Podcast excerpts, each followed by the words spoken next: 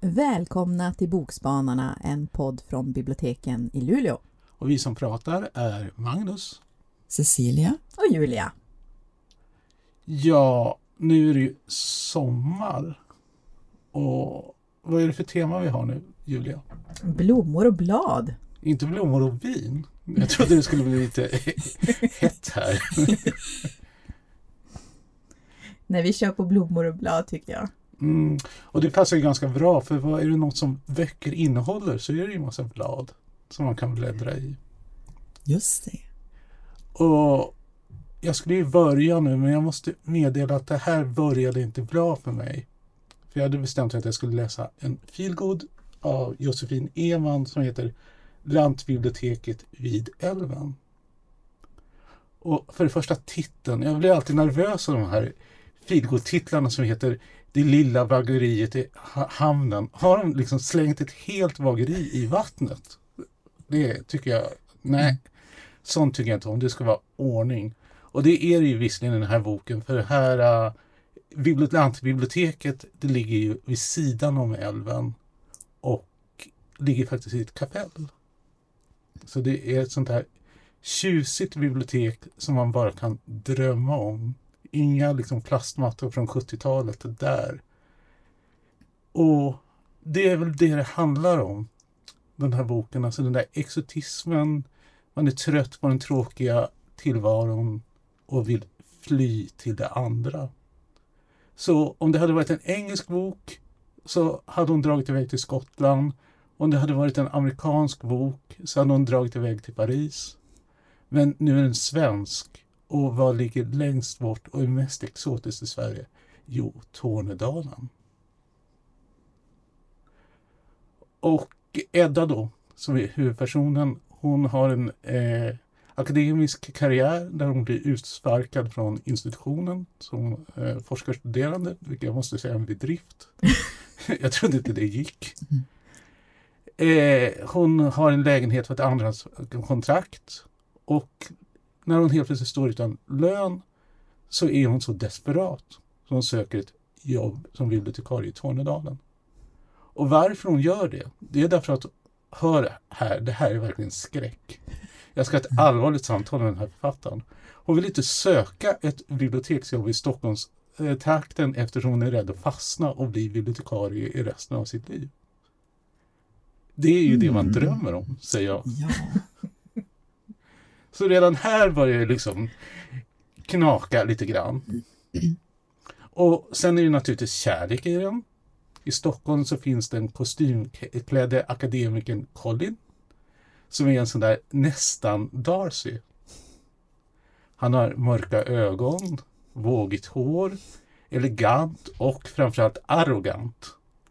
Så mest liksom står han och ser lite butter ut medan hon tittar beundrande på henne eller på honom och när hon faller omkull eller något sånt där. Och här förstår jag inte varför är det alltid så roligt med kvinnor som snubblar. och spiller räkmackan över sig så plockar han fram sin näsduk torkar av henne, tittar ömt på henne och hon blir sådär är det en sån där finbroderad en med monogram? Naturligtvis, med lätt parfymdoft. Och sen så ignorerar han henne fullständigt. Och i Tornedalen då så träffar hon naturligtvis den vredaxlade entreprenören Ante. Som han liksom är så vredaxlad så att det ställer sig framför texten. Han ryms inte på sidorna när han kommer in i handlingen då är det som att boken tar en paus och bara kan titta på honom. Och de kommer ju naturligtvis inte överens. Så de grälar sig liksom så här framåt. Och i Tornedalen, naturligtvis är det elände i början. Hon har ingenstans att bo. Hon måste bo i ett vandrarhem. Eh, det finns ingen matvaruaffär och de har inte sushi. Och det är långt till biblioteket. Men hon hittar sin plats där. Och det finns en fantastisk beskrivning av matriarkatet som styr det här byn. Som naturligtvis har en bokklubb. Och det är en kombinerad bastu och eh, bokklubb. Där de vastar och diskuterar böcker. Och dessutom eh, så lagar de en maträtt som förekommer i boken. Så det är på något sätt allt på en gång. Och här har jag också sådär, liksom, vissa invändningar. För det finns en scen där de äter wienerbröd i bastun. Och någonstans så tycker jag den här kombinationen av nakna, svettiga eh, kroppar och mormors fosta inte är riktigt hälsosam. Och nu låter det som att jag har haft jättehemskt när jag läst den här boken, men jag tycker att den är trevlig.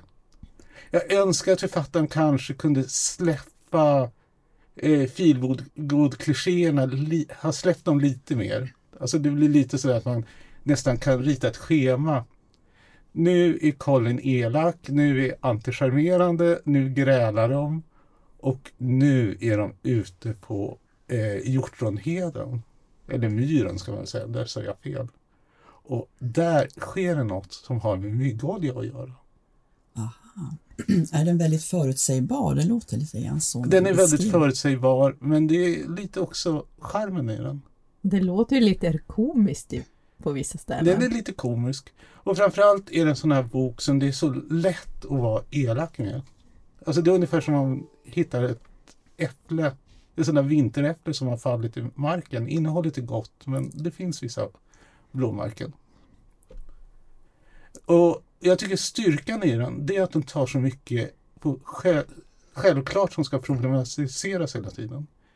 Hennes bästa väninna är lesbisk, det är helt okej.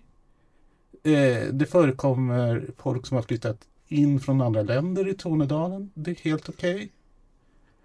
Och eh, om liksom den här gräsliga norrländska mannen som liksom finns i Jägarna. Alltså öronlappsmössa, frilla, gevär och en dunk med hem, hembränt. Om man alls existerar så är det inte i den här boken.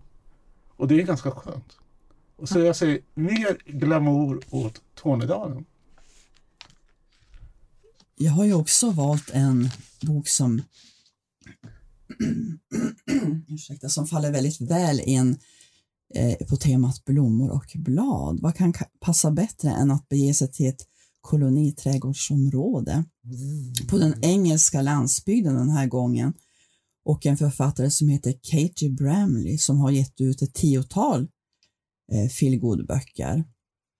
Och eh, den här kom ut redan 2014 men översattes till svenska i fjol av en kvinna som heter Benedikt Kallert. Eh, I den här boken så träffar vi Tilly. Eh, hon har drabbats av sorg och eh, med det så bestämmer hon sig för att flytta och börja om på nytt. Och det är väl kanske också en kliché. Men inte alla förverkligar den. Eh, hon förverkligar den, hon flyttar inte så långt, men hon flyttar och hon byter arbete. Hon får eh, ett, eh, hon arbetar som lärare, men eh, det får vi inte veta så mycket om just i den här boken. Hon, eh, ganska snart så när hon kommer dit så hyr hon ett radhus och eh, får kännedom om det här koloniträdgårdsområdet som heter Ivy Lane. Och där så tar hon sig an en kolonilott som är som ser ganska så förfärlig ut och hon har inga större kunskaper heller själv. Men hon lär sig successivt. Och eh, styrkan med den här boken, för här i den här boken så är det ju det förekommer ju sociala problem och det är kärlek förstås.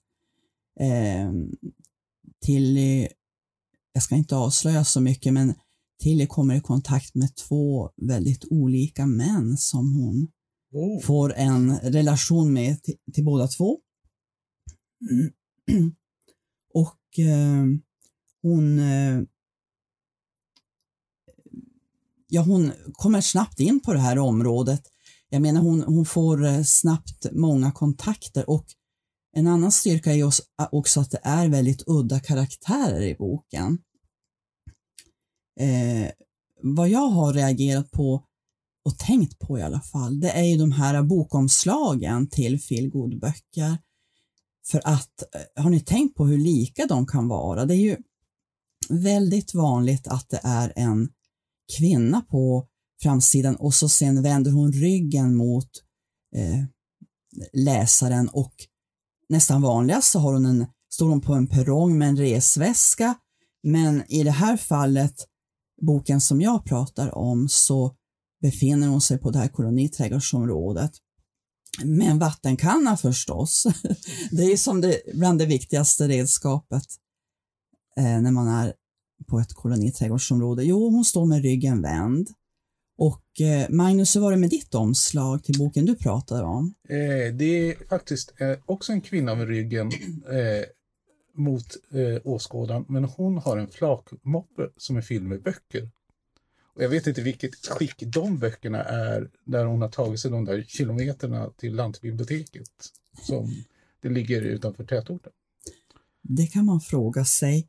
Och eh, den här eh, boken om koloniträdgårdsområdet, den, är, den följer varje årstid på ett väldigt fint sätt. Och så ska jag också berätta att i slutet av boken så får läsaren sig många trevliga recept till livs. Oh. Till exempel sommarpudding. Det kan vara någonting att kolla upp vad det är. Eh, och det är inte huvudpersonen som är en sommarpudding. Man vet aldrig. eh, vad jag tänkt, nu tänkte jag säga något roligt. Men jag, jo, det är det här. Jag har en teori i det här med bokomslagen. Det är ju Okej. sådär, alla vet ju att de försöker sälja dåliga böcker med bra bokomslag, med snygga bokomslag. Så då borde det ju betyda att de böckerna som har fula bokomslag egentligen är bra böcker. Hmm. Ja, vi får fundera på den där teorin. Jag ska faktiskt sätta det här i, eh, sätta igång det här, så jag ska bara läsa böcker med fula bokomslag hela sommaren och så får jag återkomma med en rapport i höst. Det, gör du det? det ska bli jättespännande. Men jag har då inte läst en feelgood nu på Va? Blommor och blad. Faktiskt inte. Du tvingar oss. Ja, ja, blommor och blad kan man ju tolka på olika sätt. Men den jag har läst och skulle vilja tipsa om det är ju The Swimmers av Julie Otsuka. Och den här har inte kommit på svenska ännu men vi får väl hålla tummarna att den gör det. Jag har då lä- eh, så romanen är skriven i originalspråk på engelska. Och den här boken det handlar om livet, om att åldras och familjerelationer. Om den här vikten med det vardagliga och rutiner och eh, på, på hur, hur det vardagliga på något sätt visar vilka vi är och ger oss vår identitet, det vi gör varje dag. Och i den första delen av den här romanen så får vi följa en grupp vuxna människor som besöker en källarpool regelbundet. De kommer samma dag och tid, de vill simma i samma bana, i samma takt och samma längd. Det finns uttalade och outtalade regler som man ska följa. Vi får följa deras kärlek till simning och hur deras liv ser ut och hur det släpper det när de simmar i poolen. För där finns ju inte ålder eller eventuella krämpor och svårigheter kan glömmas en stund och de kliver upp i poolen redo att möta dagen med ny energi. Lite som simning som mindfulness nästan. Eh, och vad händer i den här gruppen och för individerna när rutinerna rubbas och det händer något som stör?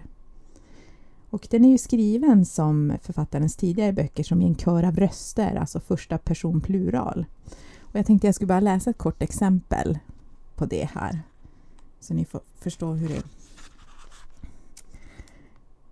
In our real lives up above we are overeaters, underachievers, dog walkers, cross-dressers, compulsive knitters, just one more row, secret hoarders, minor poets, trailing spouses, twins, vegans, mom. But down below at the pool, we are only one of three things. We are fast lane people, medium lane people or the slow.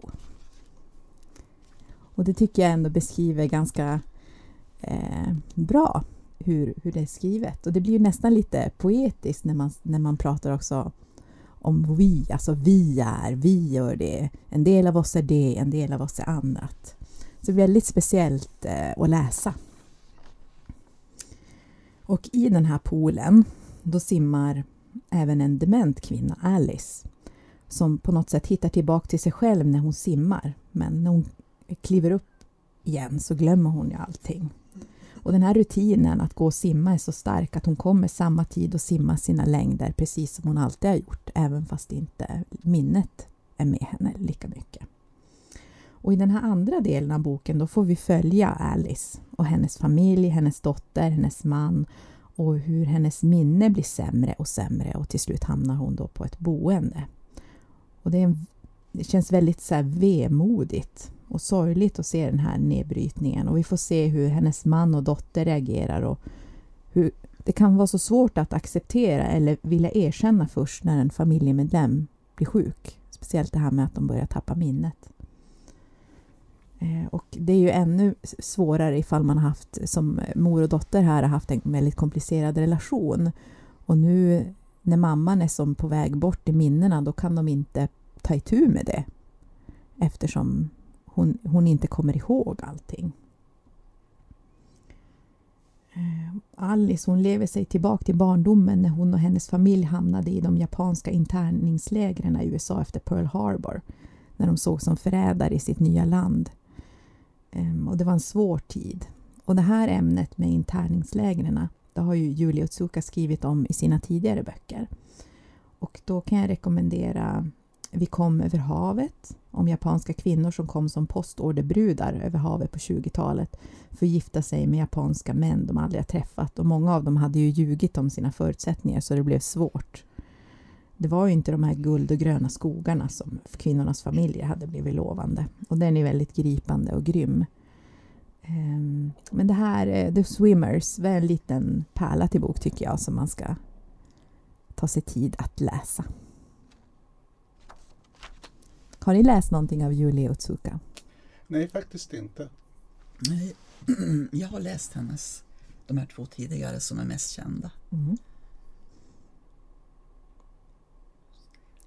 Ja, absolut, så de är väl värda att läsa. Men eh, blommor och blad. Vi måste ju avsluta med ett rejält dåligt skämt. Fortfarande har, har du ett viktigt. skämt på temat blommor och blad? Nästan. Vet ni var de förvarar böckerna om paranoia på biblioteket? Nej. Titta inte nu. De är precis bakom er. Den du. Den du. Den du. Nej men eh, då kan jag ju berätta att jag tipsade om The Swimmers av Julie Otsuka den här gången. Jag tipsade om Fyra årstider på Ivy Lane av Katie Bramley. Och jag pratade om Josefin Eman, Lantbiblioteket i Ellen. Ja, tack för den här gången. Hej då! Hej då! Hej då!